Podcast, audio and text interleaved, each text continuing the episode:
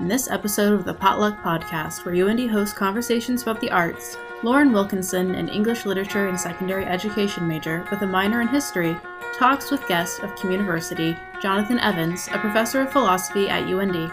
They discuss Ivanhoe in Evans' lecture, Ivanhoe and Integrity. 2019 marked the 200th anniversary of Sir Walter Scott's Ivanhoe, a book Mark Twain blamed for starting the American Civil War. To celebrate this milestone, UIndy hosted Communiversity, a free online class. Students, faculty, staff, alumni, and the broader community were invited to explore this classic detective novel. We thank you for listening to the UIndy Potluck Podcast, which is hosted by students and faculty of the University of Indianapolis. We would like to thank our guests in the Shaheen College of Arts and Sciences. To learn more about the Potluck Podcast and hear other episodes, please visit etchings.uindy.edu forward slash the hyphen potluck hyphen podcast. Thank you for your support. Hello, my name is Lauren Wilkinson. I'm an English literature major at the University of Indianapolis, and I'm here talking today with Dr. Jonathan Evans. Dr. Evans is a professor here at the university, and he recently gave a talk on Ivanhoe and integrity for the Communiversity lecture series. Dr. Evans, thank you for being here today. Thank you. So, we're going to just open up with how did you come across Ivanhoe and what led you to focus on integrity? That's a great question. So, I've been familiar with Ivanhoe for a long time. I think as a, as a kid, it was one of those books that was kind of suggested as you know something you might read that was stretching. There were abridged volumes. I'm old enough that so this would be pre Harry Potter, so probably the the juvenile literature or the young adult literature would have been Lord of the Rings, which might be a little advanced, but then there were works like Ivanhoe that were meant to be for a uh, a young adult audience, but it wasn't the actual text. Mm-hmm. So I had never read the full text until probably this last summer, and uh, Dr. Camden has hosted the Communiversity for several years now, and it's always been just great fun being involved. And mm-hmm. so when she announced that they were going to do Ivanhoe, I thought, well, this sounds like a wonderful opportunity. Can do something a little bit different than I've done before. Mm-hmm. Because one of the things that we find out in the novel is that many of the characters take themselves, maybe pride themselves for the fact that they have this uh, upstanding reputation that finds its source in being people of integrity. Mm-hmm. And in some cases that's true, and in other cases yeah. it's not. And it's kind of funny that there are those who have integrity but really don't make a big deal about it or may not even be fully aware of it. Mm-hmm. So, would you say that identity does have a lot to do with integrity?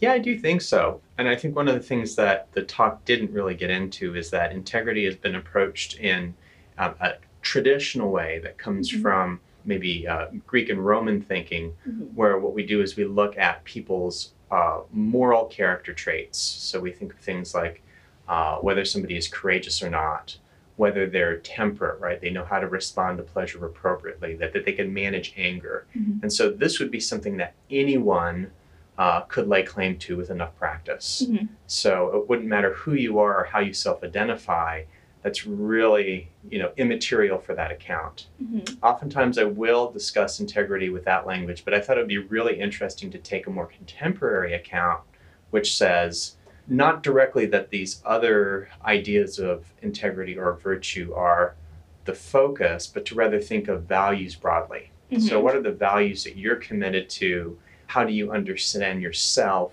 And how do those two things blend? To really make you who you are. Mm-hmm. And so that kind of integrity, where we're saying uh, the values and the self understandings are what make you are, was the approach that, that I thought would be a little more interesting to take. Mm-hmm. So a lot of your talk focused on obviously it had to focus on a lot of the characters, but you mainly mainly focused on Cedric and Lucas. Could you like identify if one of the two are your favorites or if both of them are your favorites and for what ways? Uh, yeah. yeah, yeah. So I identified those two characters because I thought it was easy to really get a sense of two people who were really committed mm-hmm. to certain values or projects.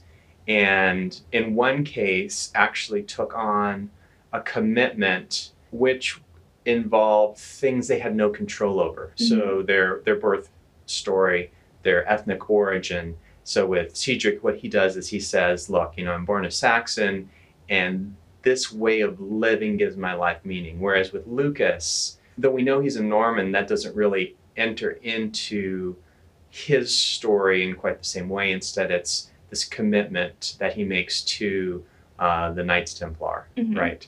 So I thought that that contrast was really interesting because we have two people who have such clear senses of who they are. One picking something that really was outside of their control and affirming it, and another saying, "Well, no, I have a chance to just forge my own destiny in a kind of way by choosing to commit to this particular because Mhm. I don't particularly like Lucas as a character. I think a lot of people find him very off putting, and I think that's part of what makes him great for a talk. And with Cedric, he's the type of character that we all think, well, maybe we, I shouldn't say we all think. I think he means well, Mhm. but he's not particularly percep- perceptive, and it's his commitments that blind him to that. And so, as somebody who is firmly in that middle age area, that's a worry I have about myself. So, you know, when you're younger, you tend to be a little bit more self aware or Mhm. sensitive to other points of view. But then as you move along, then you start getting into these habits, thinking that I already know how things work. And so this is just as a good character for someone like me to think about to say, okay, look, you know, it, it's not that maybe some of the values that I've chosen or some of the commitments that I have were the wrong ones. It may instead be the way in which, you know, I'm living them out Mhm. or the ambitions now that I have. And so I found, in a way, there's there are aspects of Cedric that I could identify with, though again, he probably isn't my favorite character. I think the star of the book is Rebecca, right? Mhm. She's the one I think who clearly is the the hero or the heroine, right? This is the the person. I mean, I think hands down, who comes out as being the one that I think Scott and at least I would would want to say for myself. If I could be like anybody, that's the person I would want to be like, Mhm. especially when it comes to integrity. Mhm.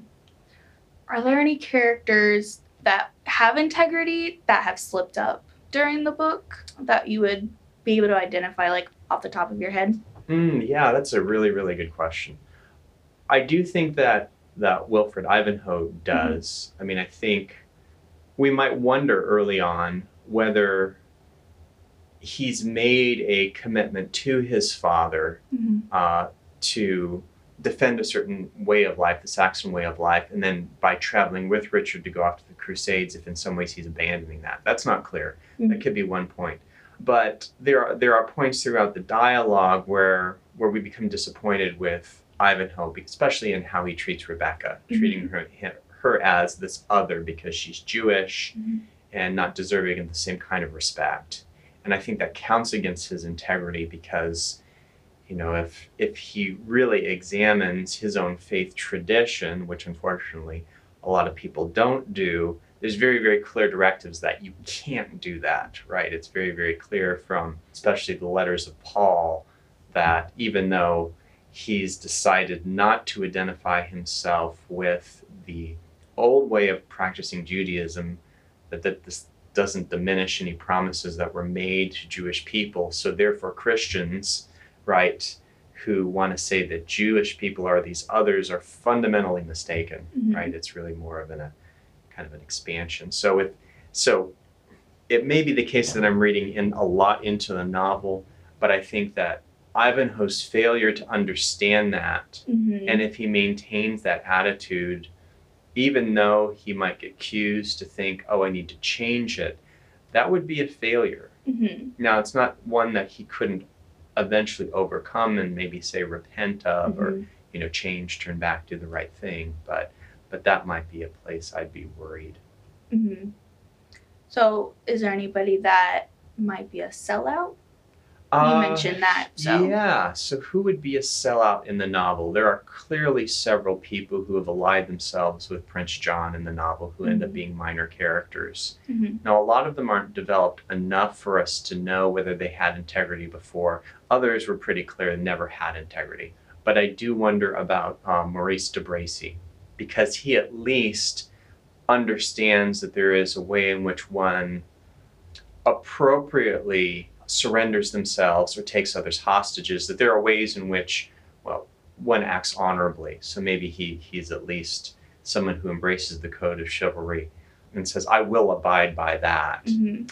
But in a way, he doesn't, right, Mhm. in the novel, because he's willing to engage in kidnapping and other things that we wouldn't necessarily say is consistent with what we think that code would say. Yeah. Right. It'd be one thing if, right, you were fending off an invader or you were attacking someone, and as much as we might not like to seize people as hostages, it's another to purposely kidnap. Mhm. So I think probably the best case of this would be De Bracy, right? Mhm. Because he he does seem to to realize, okay, he wasn't really.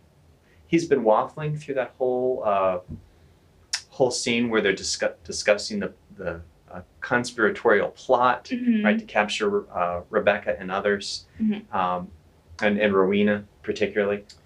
So yeah, as, as I, I think about the those minor characters, he's probably one who is really the most complicated, where he's he may have integrity, then he appears to sell out. But the good news, maybe this is actually back to your other question, we might have hope for him. Mhm. Others, I'm not sure. Okay. Others, I'm not sure if, if we have a clear case of someone who has obviously sold out. Brian, we might wonder about, Mhm. but we need to know a little bit more about, you know, was he ever really committed to the Templars to begin with, or was this just a convenient opportunity for him to pursue other goals he has, which would be things like self promotion and power, which we wouldn't associate with Mhm. integrity. So like the minor characters are the ones that are kind of like on the fence and that's like sellouts and like the major characters are more I guess how would you say it like in, they have more integrity or Good question. Yeah. Um, I think the great thing about the major characters is that we get some insight into the ways that they're thinking Mhm. and we have more evidence about their behavior. So, this is why, like Cedric and Lucas, we can make, I think, what amounts to more accurate claims about whether they do have integrity. And in the end, we finally see Cedric coming really close to maybe having it, finding a way in which he can, you know, continue to embrace those self understandings he has Mhm. while giving up those things that were, were keeping him from being a fully integrated person. Right? You know. Yeah. Whereas with Lucas, we recognized here's the obstacle for Lucas. This is why he doesn't have integrity, though it looks like he has it. It's just that he's, he, unbeknownst to himself, probably he is so motivated by his own sense of self importance and mm-hmm. pride and, and those those kind of motivators. But but as we look at the other major characters, if we think of Ivanhoe, if we think of Rebecca, I do think both of those are individuals who we can say, you know, maintain integrity throughout.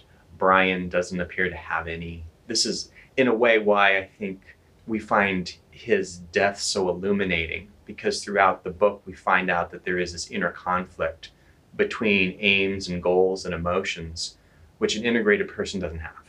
So we find out that, to, to use the word integrated in its opposite manner, Brian's slowly disintegrating Mhm. right? And we finally get that last moment. So, what I would say uh, in a roundabout way to your initial question is the great thing about the major characters is we can usually come to a more confident conclusion about where they are in the integrity stakes Mhm. Than with the minor characters. So, how, how the scorecard goes with who has integrity and who doesn't, that's a more difficult thing.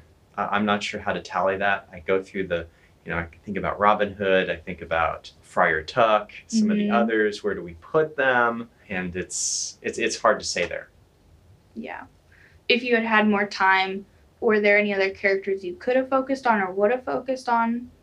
Well, well, now that we're having this discussion, I realize that De Bracy would have been really interesting. Mm-hmm. uh, because he's one of those few cha- characters who we see that struggle of conscience Mm-hmm. because he really, really wants to be married to Rowena Mm-hmm. and still has, I think, moral reservations about how they're going about it, but then just allows himself to do it. And then later on, is still struggling with the fact that he still really, really wants to win Rowena over, but then in the end reconciles himself to saying, okay, well, look, you know what, I have, I, I should, you know, stop supporting the cause that brought me to this point, you know, in the story Mm-hmm. so that it would have been i think fun to do that Yeah.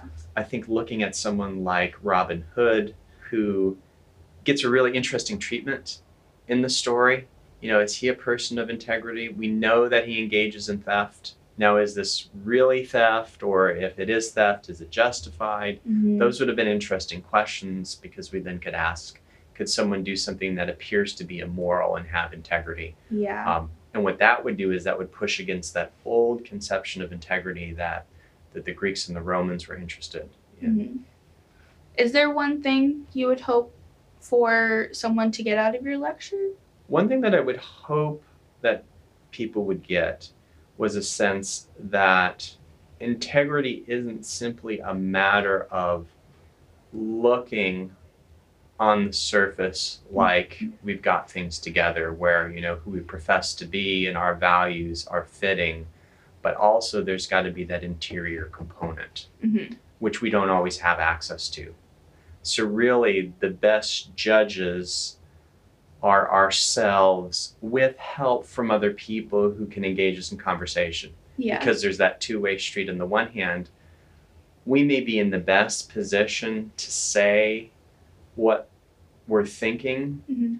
We're not always in the best place to say what motivates us, but usually we're better than people who don't know us. Mm-hmm. And so that's why I think, you know, having that other person, you know, being involved in that conversation was really helpful. So, you know, the, the, the quick summary is, you know, integrity is a matter of having, you know, those values and self understandings in alignment, but with the appropriate reasons for it and the appropriate motivations. Mm-hmm. With the result that integrity is hard, but it's okay. It's okay to, you know, know that we'll stumble. And it's okay to stumble as long as we know we're trying to get back on track and we're not intentionally stumbling. Right? Yeah. well, thank you so much for being here. Um, I personally very much enjoyed your talk, and I think our podcast listeners are going to enjoy this listening as well. So, thank you for listening, and thank you for being here, Dr. Evans. No, thank you, Lauren. Thank you for listening to the UIndy Potluck Podcast, hosted by students and faculty of the University of Indianapolis. We would like to thank our guests and the Shaheen College of Arts and Sciences. To learn more about the UIndy Potluck Podcast and to hear other episodes, please visit etchings.uindy.edu forward slash the hyphen potluck hyphen podcast. Thank you for your support.